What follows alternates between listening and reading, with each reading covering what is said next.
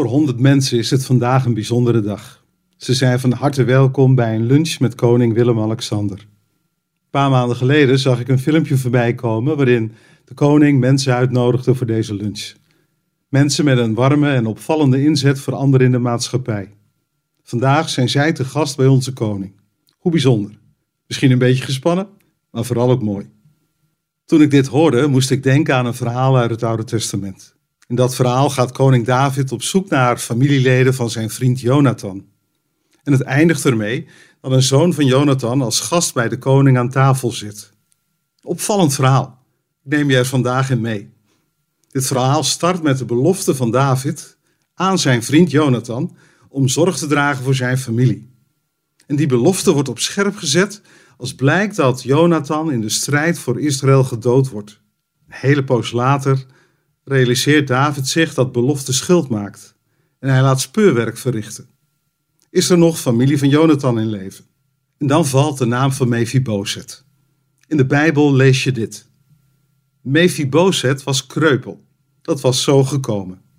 Toen hij vijf jaar oud was, kwam uit Israël het bericht over Saul en Jonathan. Zijn voedster tilde hem op om te vluchten, maar in haar haast om weg te komen liet ze hem vallen, zodat hij verlamd raakte. Heftig verhaal dus. Op de vlucht voor het geweld laat zijn verzorgster hem per ongeluk vallen, met als gevolg dat hij verlamd is geraakt. En dat is het leven van Mephibozet in een notendop. Hij staat te boek als een kreupel mens. Letterlijk, maar dan ook figuurlijk. Hij moet zich gedijst houden om niet ontdekt te worden. Als prins verdwijnt hij in de marge. Een nobody. Maar dan die belofte van David. En daarom wordt deze vergeten en kreupele prins jaren later alsnog aan het hof van koning David uitgenodigd. En wat blijkt? Hij heeft ondanks alles een nieuw bestaan opgebouwd, is zelfs vader geworden.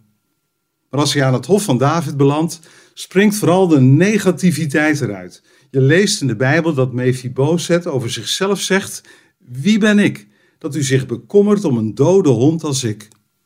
Hoe negatief wil je het hebben? Mephibozet vergelijkt zich met een dode hond.